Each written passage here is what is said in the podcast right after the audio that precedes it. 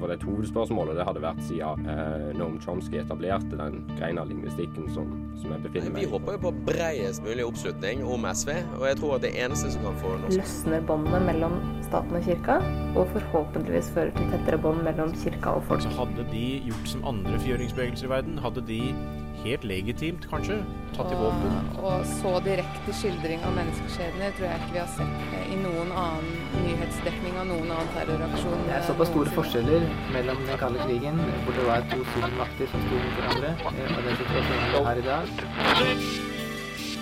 Du hører på samfunns- og aktualitetsmagasinet Opplysningen 99,3 på Radio Nova.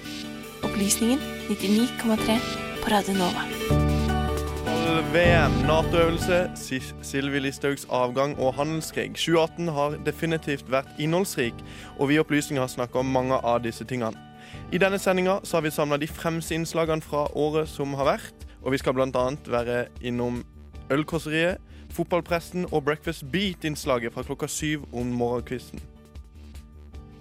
En feriestasjon har en innvirkning på den enkelte nordmanns selvfølelse og identitet. De sliter, og de har ikke råd til å betale eh, markedspriser for, for, gassen. Akkurat nå hører du på Radio Novas samfunns- og aktualitetsmagasin, Opplysningen 99,3.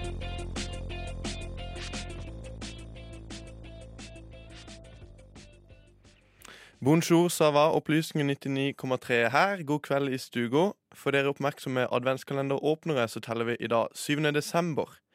Det betyr siste sendedag i Radio Novas kalenderår og opplysningens nyttårskavalkade. Yay! Vi har samla sammen en rekke høydepunkter fra året som har gått.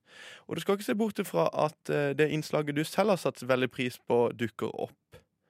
Annika, vår tekniske tekniker, er det noen tekniske øyeblikk som du husker spesielt godt fra året som var?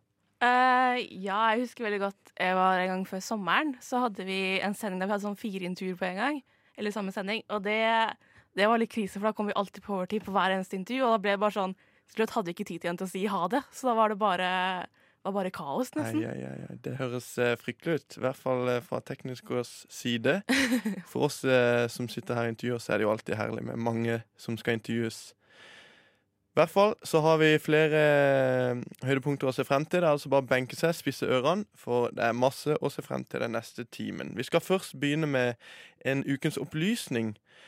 Og eh, Kavalkadens første innslag, eh, det, den får du servert av eh, Marta Ørneberg. Jepp, vi skal høre om kokosolje, tobakk og glutenfri pizza. Håper det smaker. Cameron Mitchells epidemiolog ved Harvard University, gikk i forrige uke hardt ut mot kokosolje, en favoritt i helsekosten. Kjendiser og bloggere har beskrevet det som et vidundermiddel, og flere helsesider nevner at man kan bruke det som hårkur, fuktighetskrem, tannblekning og i matlagning. Mitchells pekte på fakta. At kokosolje har høyt kaloriinnhold. 8% av produktet er mettet fett, noe vi lærer på mat- og helsefaget på ungdomsskolen at vi kun skal innta i små mengder, ellers øker faren for hjerte- og karsykdommer. Allikevel promoteres dette som supermat. Det er fullt av mineraler, antioksidanter og har høyt næringsinnhold, noe som mener at det har høyt kaloriinnhold. Life.no har skrevet på sine nettsider at kokosolje kan brukes som vektreduserende tilskudd, og man følger low carbs, high fat-dietten. Mens debatten mellom personlig mening og klare fakta pågår, la oss se på andre superprodukter som har blitt introdusert i årene før. Det mest kjente er tobakken. Introdusert for det europeiske markedet i det 16. århundret, han ble tidlig beskrevet som en medisinsk urt, og det var bra for helsen. Helt til 1960-tallet ble tobakk promotert med en helsevinkel. And because they know what a pleasure it is to smoke a mild, good-tasting cigarette, they're particular about the brand they choose. In a repeated national survey, doctors in all branches of medicine, doctors in all parts of the country were asked, What cigarette do you smoke, doctor? Once again, the brand named most was Camel. Yes, according to this repeated nationwide survey, more doctors smoke Camels than any other cigarette. Sukker ble helt fra sin introduksjon i Europa brukt som en medisin. En vidunderkur som funket mot alt og hjalp på kroppen. Dette er fordi i en diett hvor lite annet hadde smak, var sukker smakfullt og gjorde at humøret bedret seg, og den psykologiske effekten ble bedre helse.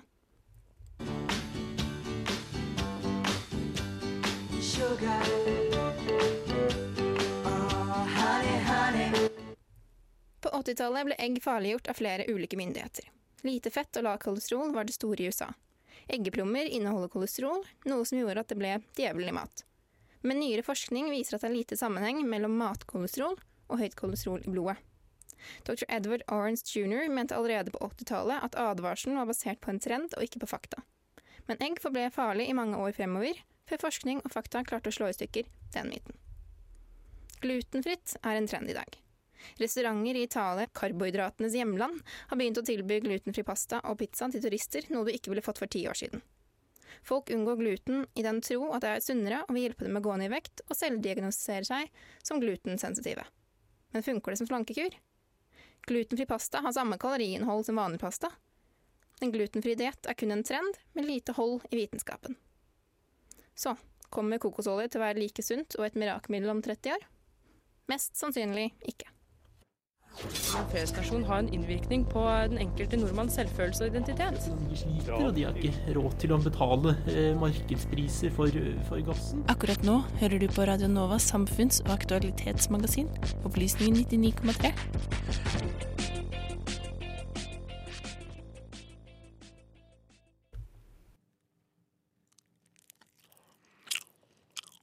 Are, Are, vi er på lufta.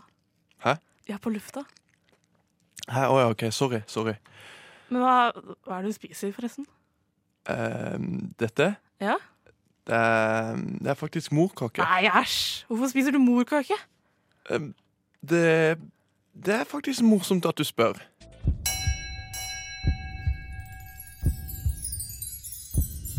Ukas opplysning.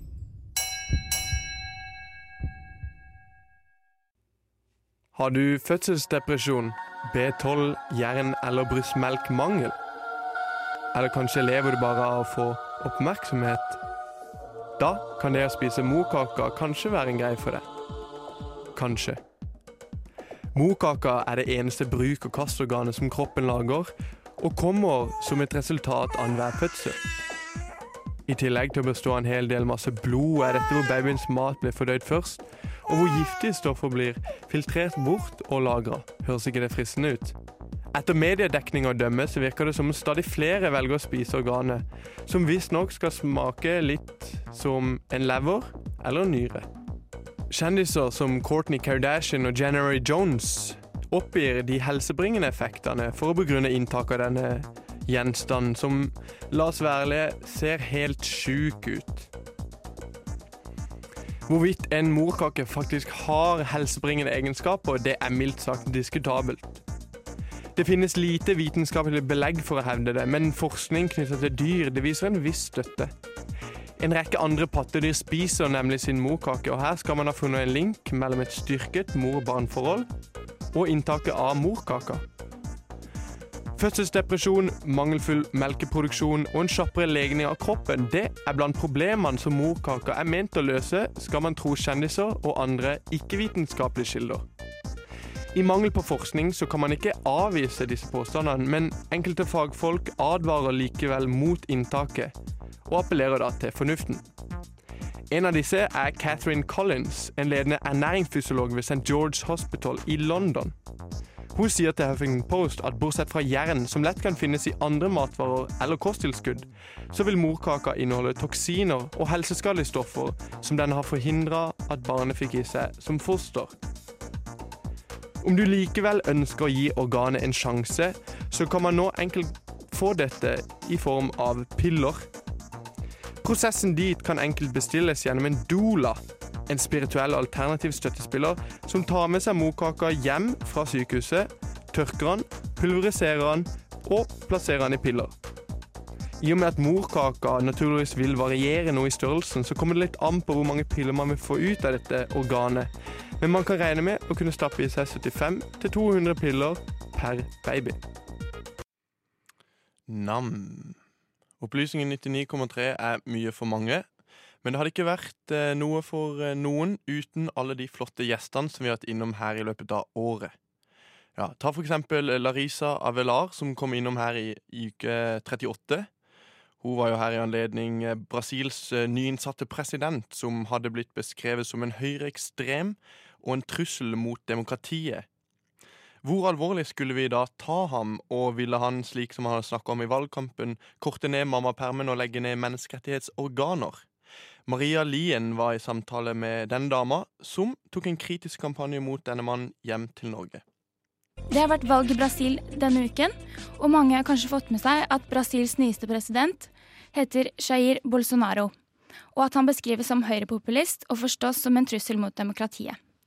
For å få vite mer om eh, situasjonen etter valget, har vi vært så heldige å få med oss Larissa Avelar, som sitter sammen med meg i studio i dag. Velkommen.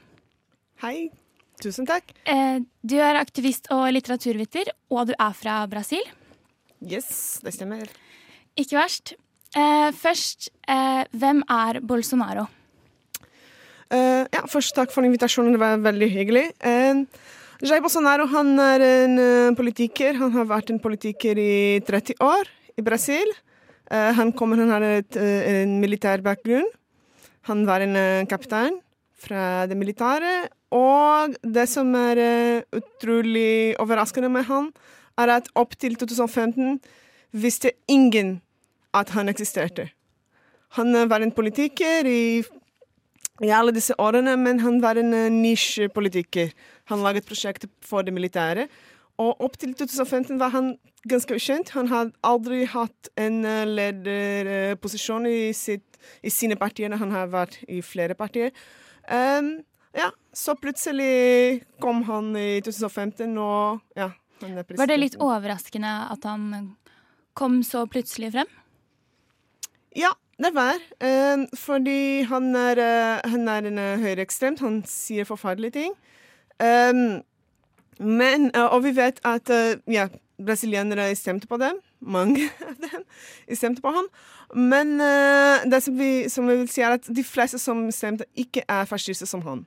Ikke, eh, de, ikke, de, de, tror ikke at han skal gjøre alt han sier at han skal gjøre. Um, men han uh, bygget seg på en uh, stor, en veldig sterk anti- anti-Arbeiderparti-følelse, Mm. som vi startet i Brasil fra 2015. Mm. Og han bygget seg på det, og ble veldig kjent på det. Interessant. Eh, du sa jo litt om det, men eh, at du er tydelig kritisk til eh, Bolsonaro. Hvorfor er du det? Eh, først og fremst det, er, det gjelder menneskerettigheter. Jeg syns at eh, hvis vi vil ha et demokrati, så må menneskerettighet være i, i dagsorden. Alltid. Og på, en, eh, på førsteplass. Um, men han, eh, han mener ikke det. Han, eh, det akkurat det, det, det motsatte. Han sa at han skal legge ned uh, menneskerettighetsdepartement i Brasil.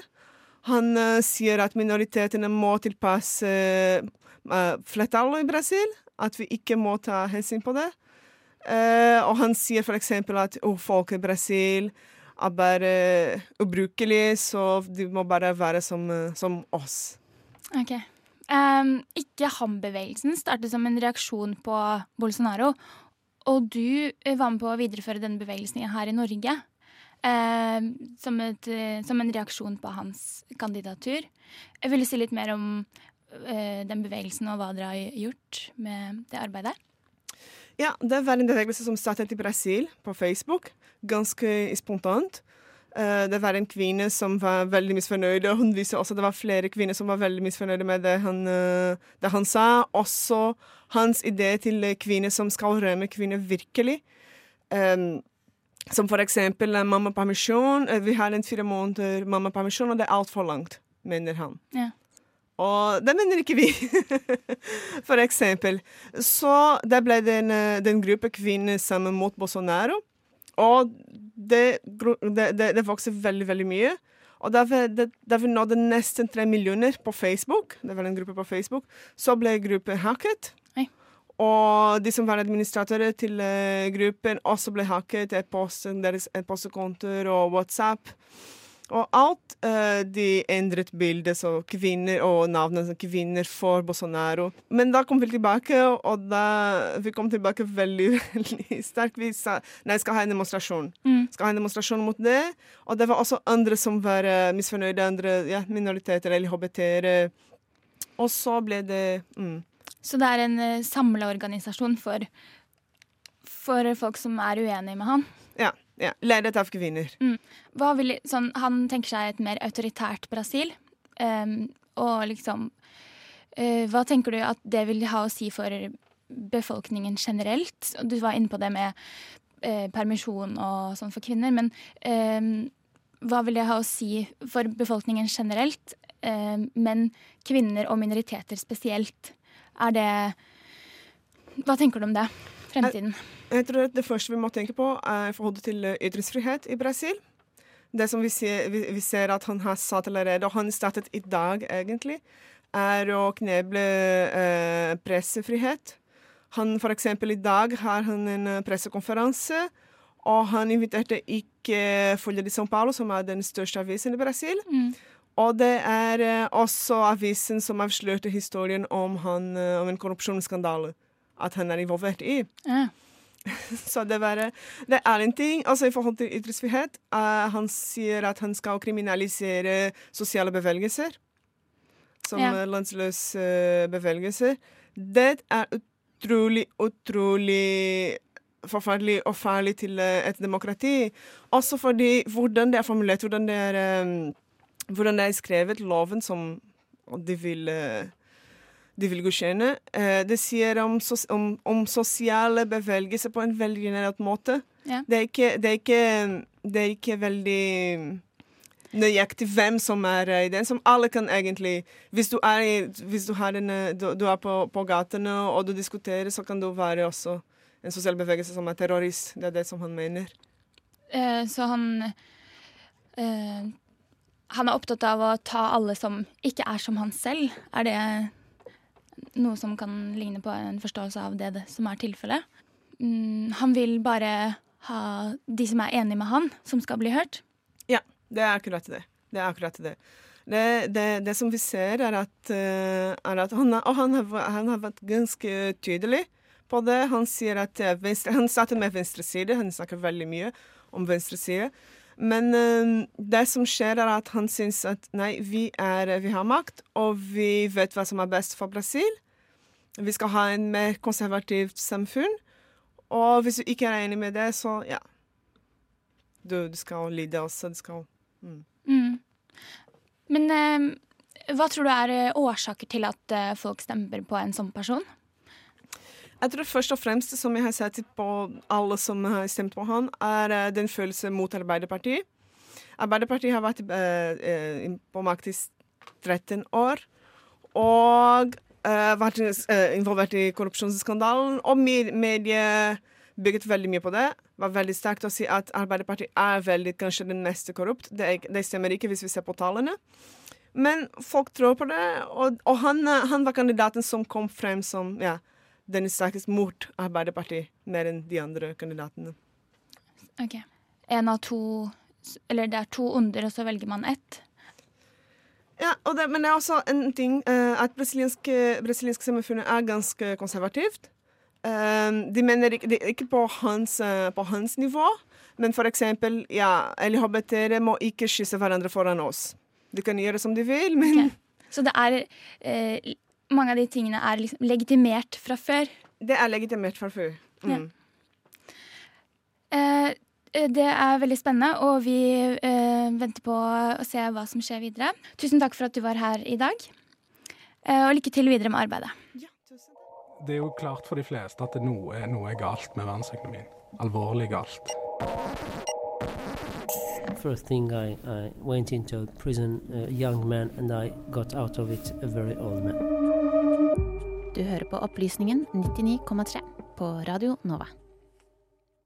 Duns, duns, duns. Har du noen gang prøvd å danse edru? Det finnes et sted.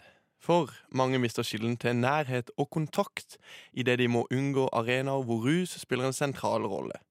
Kanskje fordi de er avhengige. Dette var Breakfast Beats, ideens utgangspunkt, idet de la til rette for at folk kunne våkne opp gry tidlig på morgenen for å vrikke løs. Vebjørn Kløgtvedt, take it away her i samtale med initiativtaker Øygunn Iversen. Denne uka dro opplysningen på morgenrave. Arrangementet du nå skal få høre mer om, heter Morning Beat og arrangeres hver tredje tirsdag i måneden rundt om på ulike steder i Oslo. Bortsett fra at det arrangeres mellom halv syv og ni om morgenen, og at det er et rusfritt arrangement, så er egentlig ikke dette så forskjellig fra andre raves. Selv om de fleste var ganske morgentrøtte da de kom, så var det ingenting å utsette på energinivået på dansegulvet. Hele seansen ble avsluttet med en time yoga, og etterpå så var det å dra på skolen eller jobb for de fleste av oss. Vi snakket med arrangøren for å finne ut mer.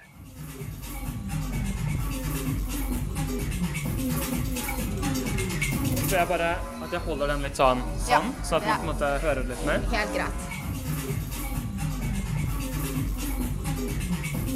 Jeg heter Øyunn Iversen, eh, og jeg, jeg og Mariana Bøstrand vi har nå drevet Morning Beat i snart to og et halvt år. Hva var det som gjorde at dere startet med dette konseptet, egentlig? Ja, det er egentlig Mariana sin historie. Det er slik at hun bodde i London, og så kom hun over et event som het Cuddle Puddle in Public. Og det det handlet om, var at Morning Gloryville, som er det originale morgenravet, ønsket å skape en overnattingssituasjon der tidligere rusmisbrukere kunne få føle på nærhet og våkne sammen på et dansegulv der det ikke var rusmidler. Og så deltok hun på det jeg mente, og kommer tilbake til Norge og ønsker å skape noe lignende her. Og det er det som starter det hele. Men det som skjer, er at Mariana, etter en måned inn i å starte Morning Bit, skal reise til India. Og det er da jeg kommer inn. Så du kan si at jeg kanskje var prosjektleder for babyen hennes mens hun var borte. Og når hun kom tilbake igjen, så begynte det for fullt. Men eh, hjalp du på disse rusmisbrukerne da?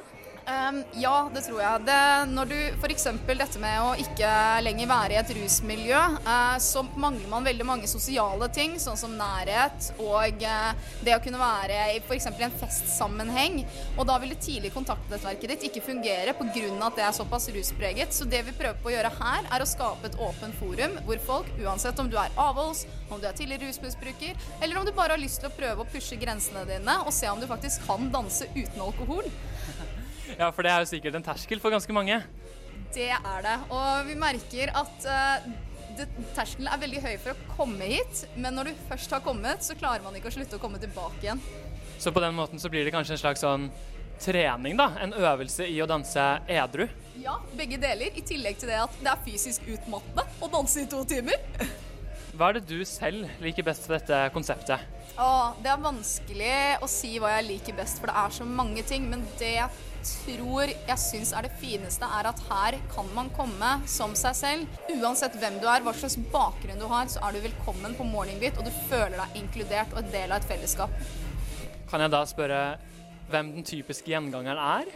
Det er det som er, vi vet ikke, for det er så mye forskjellig. Vi har Akkurat nå så er det kanskje unge gründere som da har tid til å gå og danse og ikke helt har funnet ut av hvor de skal jobbe og hva de skal gjøre. Gjennomsnittsalderen er rundt 30, eller folk i ja, slutten av 20-årene, stille i 30-årene. Men vi har alt fra 56-åringer til toåringer på dansegulvet, så Det er ganske utrolig.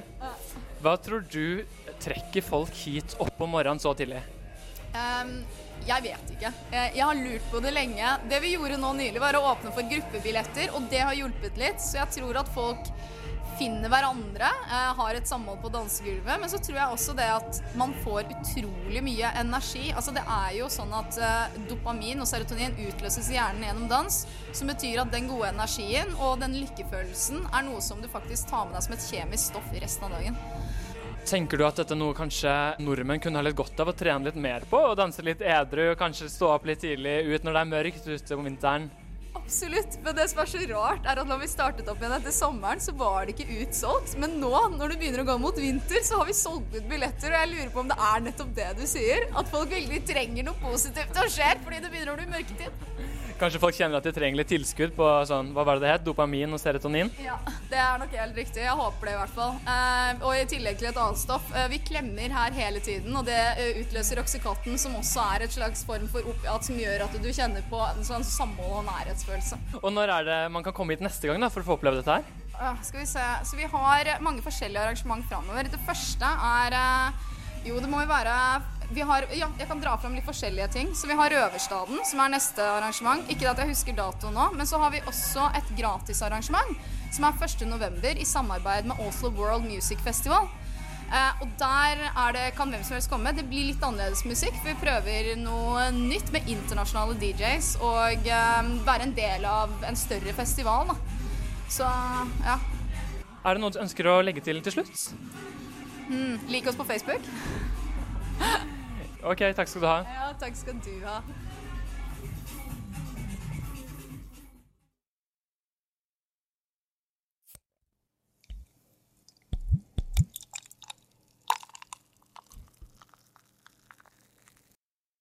Skal du chugge, eller?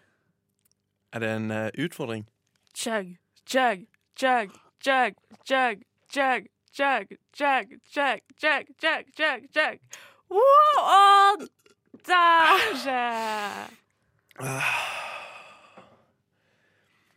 Husker du i sommer da det var en eh, ølkrise? Ja, ja, det gjør jeg. Det var jo eh, i uke 32, og da skrev jo Frikk et eh, kåseri hvor han spurte seg Sjelens vann, min hellige drikk, hvordan i helvete skulle jeg vite at ølen min var brygga på andres CO2-utslipp? Unnskyld meg, kan jeg kommentere det der? Opplysningen kommenterer. Jeg har gjort meg noen tanker om uh, sommeren som har vært. Det er en sommer som har vært preget av dårlige nyheter fra øst til vest. Men det er spesielt én nyhet som har preget oss og skremt meg mest. Jeg tenker ikke på bønder som nok en gang har mistet sin avling, på skogbranner og temperaturer som aldri faller. Men dessverre så ble mitt livssyn denne sommeren endret om. Jeg har trodd at klimaendringer er menneskeskapt. Jeg trodde at vi var i ferd med å ødelegge vår natur. Vi brenner fossile stoffer og alt mulig rart, og dette øker vår atmosfære CO2.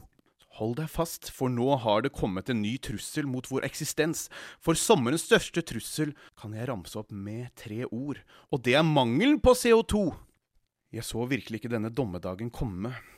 I sommer lærte jeg at sjelens vann, min hellige drikk. Hvordan i helvete skulle jeg vite at ølen var brygget på andre CO2-utslipp? Jeg lar meg ikke lenger skremme av klima, oppvarming og atomvåpen.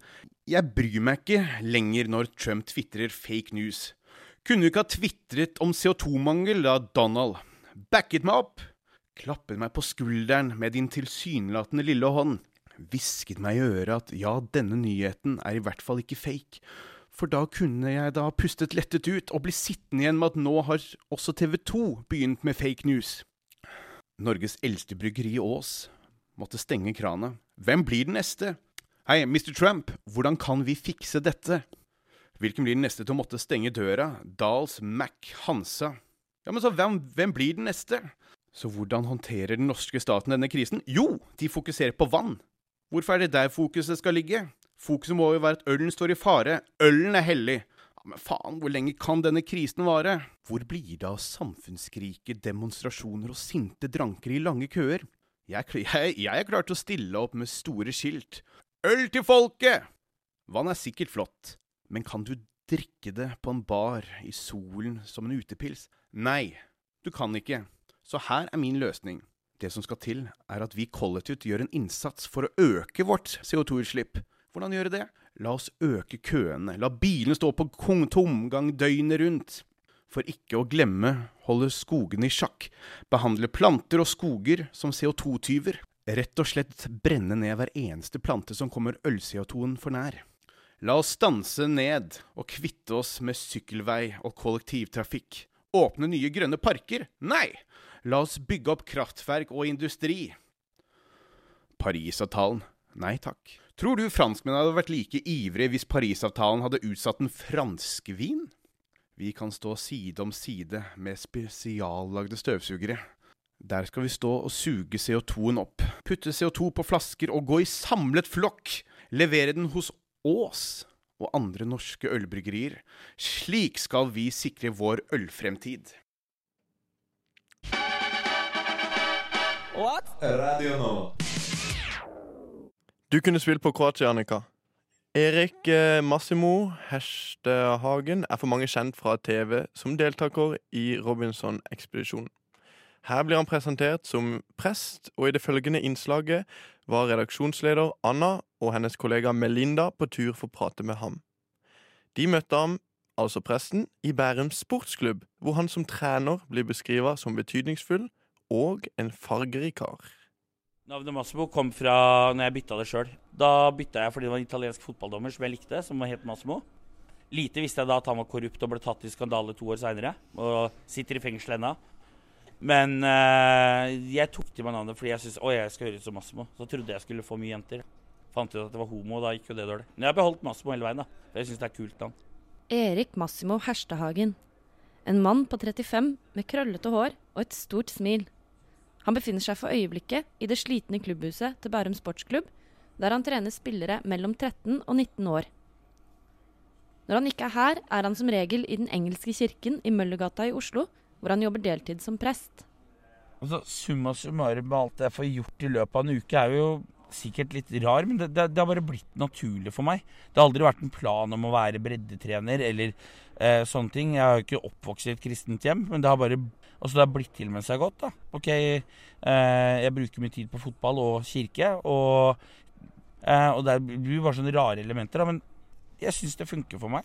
Og det, jeg liker at det er litt variert hverdag. Altså, at jeg gjør, er litt ulike miljøer, prater med litt ulike mennesker. Jobber med ungdommer som er oppegående og hyggelige, men også med mennesker som er eldre, typ kirke. Og, altså, for meg så funker det bare, det har bare gått seg til gradvis. Og så OK, det er min hverdag på godt og vondt, og det funker for meg. Det nærmer seg trening. Massimo sitter bakoverlent i en godt brukt stol, omringet av et titall spillere. Stadig flere kommer inn. Snart er det ingen ledige stoler i rommet. Kjærligheten er stor i dette rommet. Noen tar seg en sen lunsj, mens andre sitter godt lent inntil veggen. Alle med oppmerksomheten rettet mot treneren sin. Nøkkelen til å få tid til alt er heroin. Nei. Nei da. Spøk til side. Eh, være energisk, være til stede, så får du gjort mye. Og hvis du i tillegg er effektiv, planlegger hverdagen og bruker tid, eh, bruker tiden effektivt. Legger meg 02. Eh, står opp igjen i 9-10-tida. Eh, bruker noen timer på vanlig jobb, og så kommer jeg hit, og så bruker jeg x antall timer her. Treningen er i ferd med å begynne. Massimo reiser seg, og guttene følger etter. Du trenger kamptrening, gjør du ikke det? De må forte seg ut før solen forsvinner. Kadettangen i Sandvika er fremdeles en byggeplass etter sommerens festivaler, og lyskasterne fungerer ikke. Én etter én går spillerne ut på gressmatta. Nå er de klare. Treningen er i gang. Starter vi. Ikke skyt, senteret er bra. Kom i gang! Fotballen har jo alltid vært der. Du vokser jo opp med å spille fotball på Løkka. Jeg var jo alltid dårligst. Jeg ble valgt sist og litt sånn erta, og jeg var dårlig. Eh, men jeg syns alltid det har vært moro. Men jeg klarer ikke å spille noe. Men så har jeg vært dommer, da. Der er jeg god. Og som trener. Fordel! Offside, men det er fordel! Bra dommer. Massimo er opptatt av at alle skal få delta. Det er bra, svarte! Spillerne bytter roller hyppig. Ett minutt, så bytter vi keepere! Ingen får sitte på benken. Bra, Marius! God jobb! Bra, Gamaldin! Det er den jævla farta di, Torkel. Du er så rask. Spiller ball. To minutter, og så bytter vi keepere. Bra bevegelse, Klu. Og bakerste. Nei, den søkeren. Jeg kjenner jo den røveren her. Du kunne spilt på Kroatia. Gutta kaller han for limet i klubben. De ler av de rare påfunnene hans, men har stor respekt for det han gjør som trener. Massimo er en fargerik kar som vandrer rundt på klubbhuset her. Bruker mye tid. Får kanskje ikke nok lønn for strevet, men uh, han må vite at jobben han legger ned her settes stor pris på og er viktig for barn og unge i klubben. Jeg prøver å gjøre mye for de gutta jeg trener. Eh, hvis vi vant serien, det var første året vi vant serien, så skulle jeg melde meg på Robinson. Jeg trodde jo ikke jeg ble tatt ut. Jeg tenkte jo det er jo andre folk som er kulere, morsommere, sterkere, penere enn meg. Men kanskje en miks av alt at alt er jævlig, så ble jeg tatt ut. Laget vant serien, og Robinson ble det. I 2015 var Massimo student, og slik introduserte han seg for TV 2.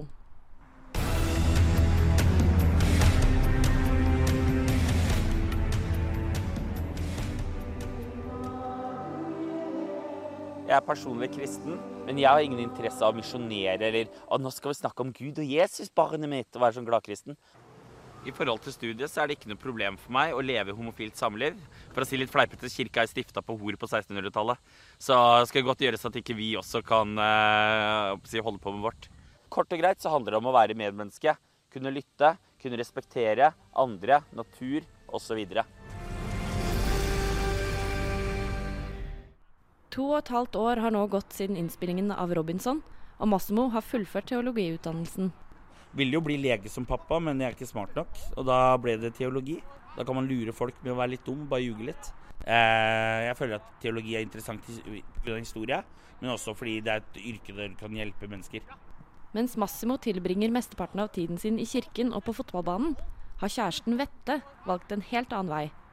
At han ikke har samme tro, er ikke viktig for Massimo. Ikke samme type jobb, jobber med finans i Japan så, og ateist. Det er helt moro. Vi er helt ulike. Du kan tro på hva du vil. For meg så lenge grunnverdiene er de samme. Eh, mange religioner og ikke-ateisme har jo mye av det samme verdibudskapet. Nestekjærlighet, medmenneskelighet, tilgivelse. Men jeg føler at den kristne definisjonen av det er det som jeg identifiserer meg mest med. Massimo kommer ikke fra en kristen familie. Troen hans har utviklet seg gradvis i voksen alder. Nei, Jeg vet ikke når jeg ble kristen. Jeg, ikke, jeg er ikke syk nok i hodet til å liksom ha sett en engel som kom ned fra himmelen og sånn. Så det var en gradvis prosess. Hjemme brydde ikke mamma og pappa seg noe som helst. Det er ikke noe barnetro. Altså, det kom sånn Det kom når jeg ble litt eldre. Vi kjører så lenge dere føler det er greit, gutta. Deilig. Ah, synd. Ja, vi stopper der, vi. Ta med kjegler! Alle bidrar! Gerhardsen hadde vært fornøyd. Kom igjen! Det er jo klart for de fleste at noe, noe er galt med verdensøkonomien. Alvorlig galt. First thing I, I went into prison, a young man, and I got out of it a very old man. Du hører på Opplysningen 99,3 på Radio Nova.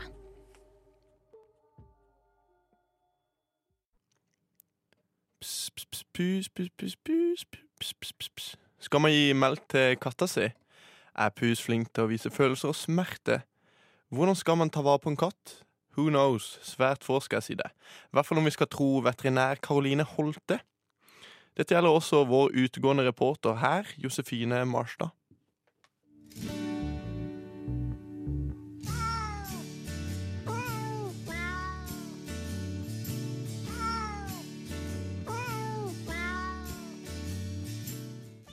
Katter er Norges vanligste husdyr. Likevel er det få som vet hvordan de egentlig skal ta vare på en katt. Jeg tok turen til Annikura dyreklinikk og snakket med veterinær Caroline Holte for å høre hva de vanligste feilene blant katteeiere i dag er. Det er eh, mange som tror at det er enkelt å ha katt, og at det ikke krever så veldig mye, men det er helt feil. Selv har jeg hatt katt i mange år og trodde jeg gjorde alt rett. Likevel ble jeg overrasket over hvor lite puss egentlig kan være ute i minusgrader. Eh, Katter liker stort sett eh, varmt klima. De er jo egentlig fra land hvor det er mye varmere enn her i Norge. Eh, Og de tåler rett og slett ikke mange minusgrader. Så mm, noen har for uvane, hvis jeg kan si det sånn, at de slipper ut katten om morgenen og det er ti minus ute og katten ikke har mulighet til å gå inn. Og da ser vi en god del katter med frostskader. Eh, kan få frostskader på øretipper og på tærne og på halen. Eh, og de skjelver.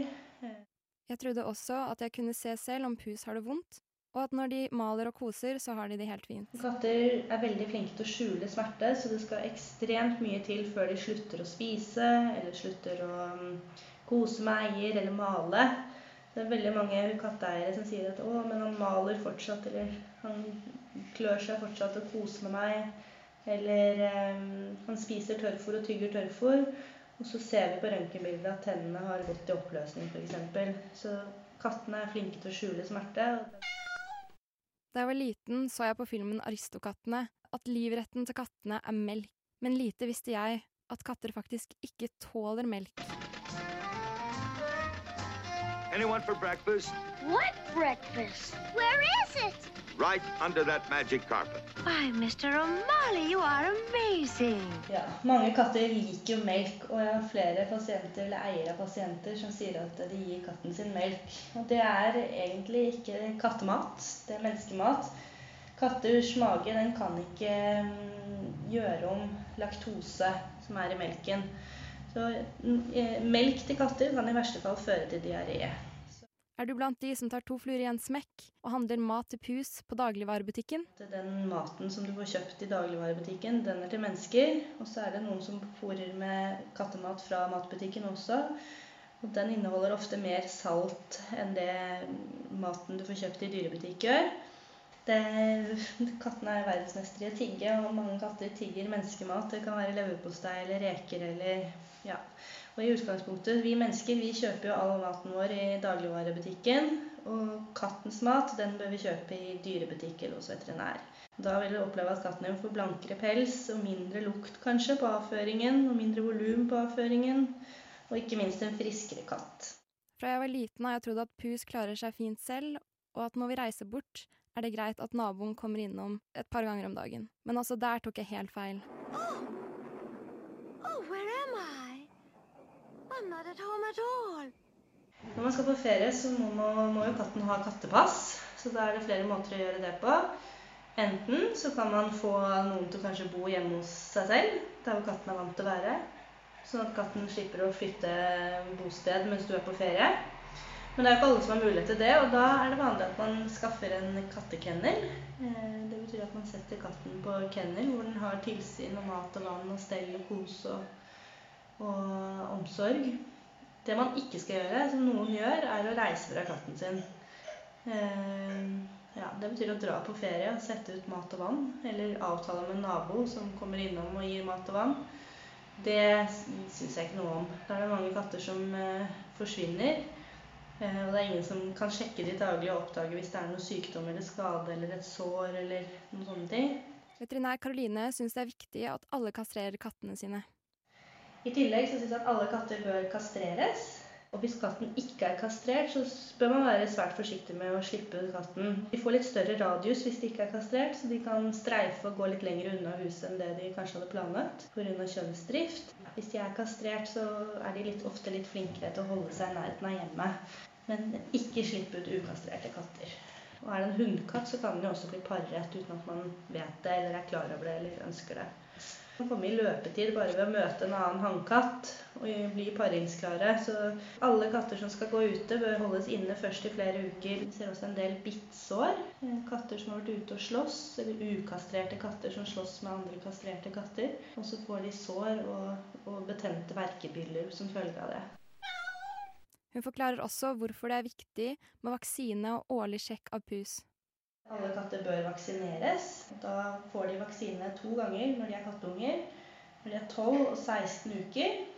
Og så anbefaler vi helsesjekk og årlig vaksine etter det. Da jeg spurte om hva som er det vanligste helseproblemet blant katter, ble jeg veldig overrasket over svaret. Eh, hovedproblemet som vi ser her på klinikken, og det jeg jobber mest med, er tannproblemer. Veldig mange dyreeiere eller katteeiere vet ikke at eh, katter kan få store tannproblemer. Eh, så vi ser katter, mange katter med mye dårlige tenner. Katter er spesielt utsatt for en sykdom som heter tannresorpsjon. Og det er at røttene på tennene går i oppløsning. Og det er veldig smertefullt. Selve kronen på tannen, eller det som stikker opp av tannkjøttet, kan se normalt ut for eier og for veterinær, mens røttene kan gå i oppløsning. Og dette må påvises med røntgen. Gikk dette litt fort? Her får du veterinærens tips oppsummert. Til nye katteeiere så ønsker jeg å si at dere må skippe katten deres. Og jeg anbefaler alle å kastrere katten sin. Eh, årlig helsesjekk med vaksine.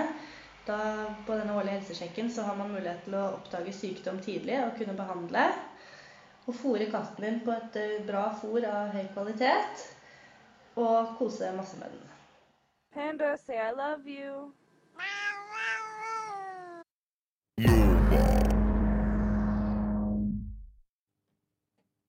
2018 har bydd på nye tilskudd her i Opplysningen, til glede for både dere lyttere, redaksjonsmedlemmer og organisasjonen for øvrig. Vi har allerede hørt fra Josefine og Vebjørn, og vi skal nå avslutte denne sendinga med en nykommer. Innslaget vi skal høre nå, er Sara Benmaleks, og det er henta fra uke 32. Det er hennes første intervju, temaet er hennes idé, hennes spørsmål og research. Her er hun i samtale med meg og Ståle Wiig, og vi spør hvorfor har vi blitt avhengig av mobilbruk, og hvordan kan vi deale med det? En PS-stasjon har en innvirkning på den enkelte nordmanns selvfølelse og identitet. De sliter, og de har ikke råd til å betale eh, markedspriser for, for gassen. Akkurat nå hører du på Radio Novas samfunns- og aktualitetsmagasin, Opplysningen 99,3.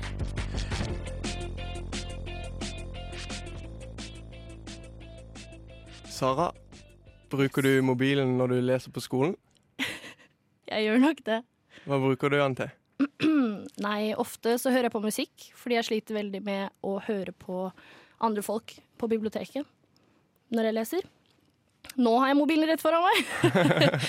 så ja, den er nær meg hele tiden. Grunnen til at jeg spør, er fordi vi har fått med oss en mann i studio her som jeg kommer for å snakke om hvordan vi kan bedre våre studiemetoder, bl.a. ved å la mobilen ligge når vi er og leser og i en skolesetting. Ståle Wiig, du er doktorstipendiat innenfor sosialantropologi og mener å ha erfart og sett kritikkverdige aspekter ved mobilen innstudiesetting. Stemmer ikke det? Jo, det gjør det.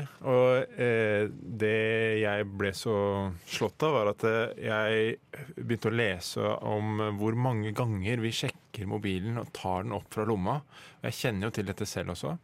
Eh, og det er gjort studier i England og USA som viser at det er mellom 150 til to, over to, godt over 200 ganger i løpet av en dag hvor vi tar denne telefonen opp, åpner den, og, og, og, og noen ganger så blir vi jo dratt inn i et sånt sort hull hvor vi ender opp med å sitte og lese om Therese Johaug eller uh, ting som vi egentlig eh, ikke hadde planer om å gjøre.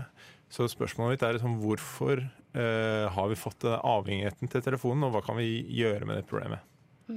Du kaller det for eh, weapons of mass distraction uh, i det du beskriver Blindern som en skattkiste. Stemmer ikke det?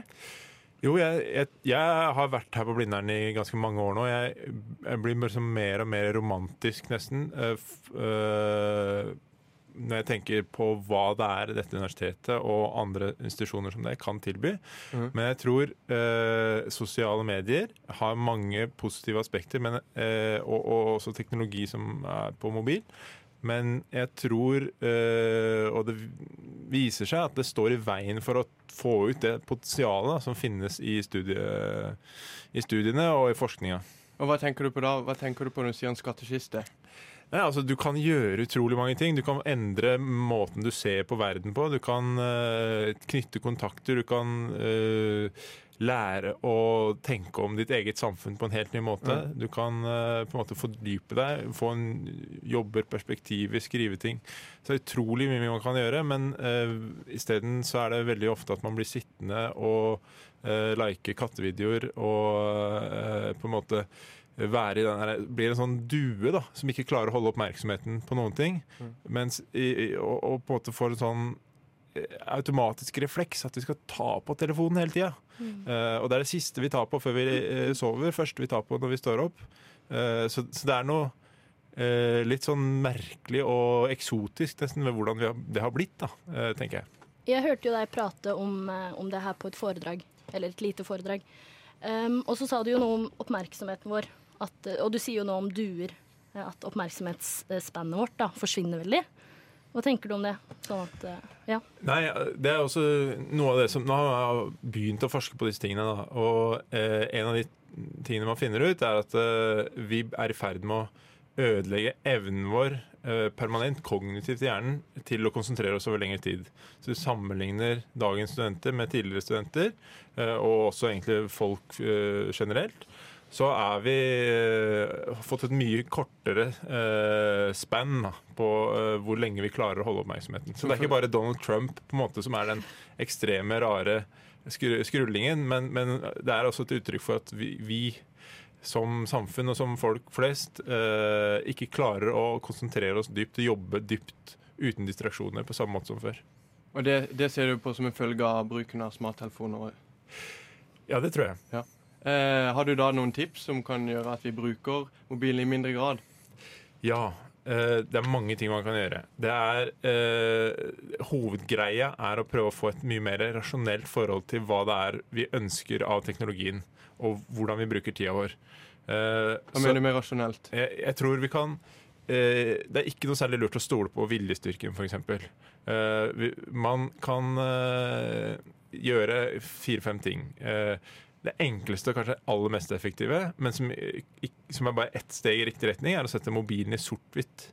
Eh, Hvorfor skal man gjøre det? Altså, Det er noe rart med det, fordi vi er jo mennesker som går rundt med sånne apehjerner, eh, som, som gjør at vi blir veldig eh, liksom eh, vi blir veldig entusiastiske når vi ser farger. Eh, Dette kan jeg kjenne meg igjen i. eh, sånne røde prikker på Facebook og sånn.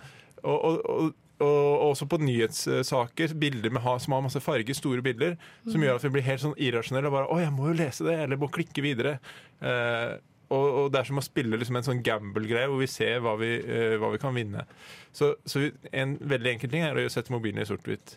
Men eh, mange andre ting man kan gjøre. Jobbe uten internett. Skru av ruteren når man skriver.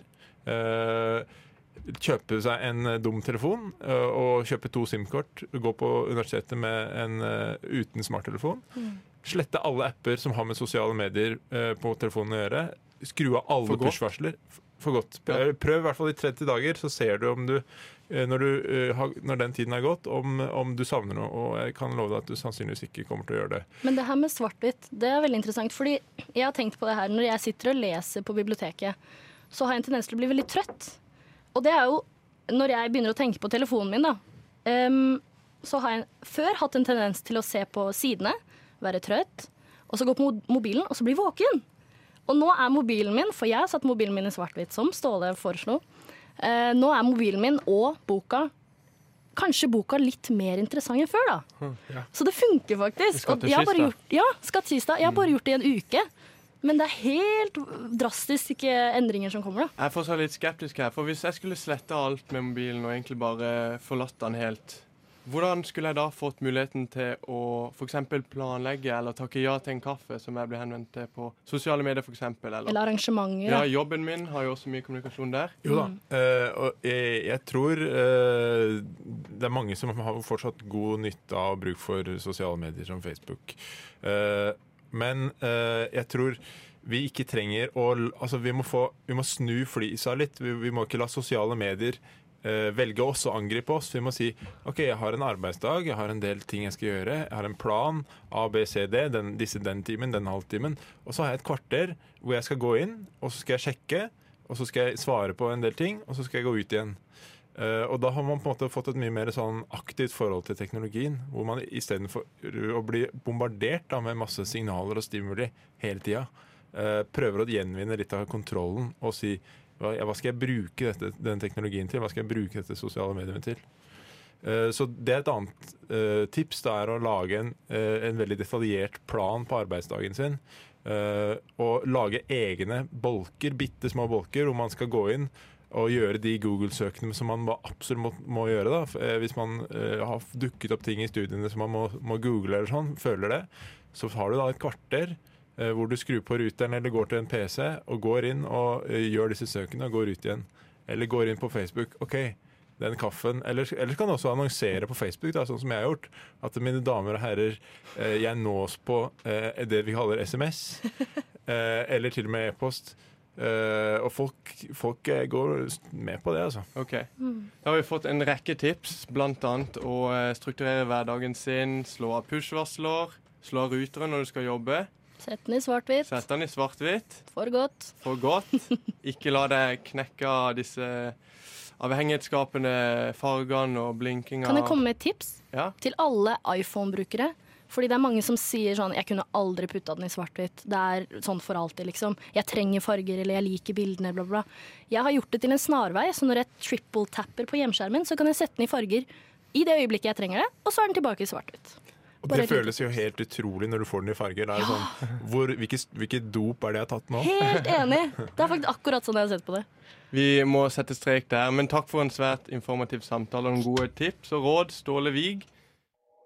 Det er jo klart for de fleste at noe, noe er galt med verdensøkonomien. Alvorlig galt. First thing I, I went into prison, a young man, and I got out of it a very old man. Du hører på Opplysningen 99,3 på Radio Nova. Og med det så er 2018 over for vår del. Takk til Anna, Martha, Vebjørn, Sara, Maria, Frikk, Annika og ikke minst takk til alle dere som har hørt på oss, sendt oss brev, ringt meg privat, prikka redaksjonsmedlemmer på skuldra og hviska inn øret. Jeg elsker dere. Til alle dere som har lytta, delt, lika og lasta oss ned. Til alle dere som har sendt oss tips, high fiva oss på byen og gir oss ris og ros til det skjedsommelige. Takk. Dere gir opplysningen mening. Vi høres igjen i januar. Mitt navn er Are Ørnevik, og I approve the following message. God jul og godt nyttår! Og make it litt.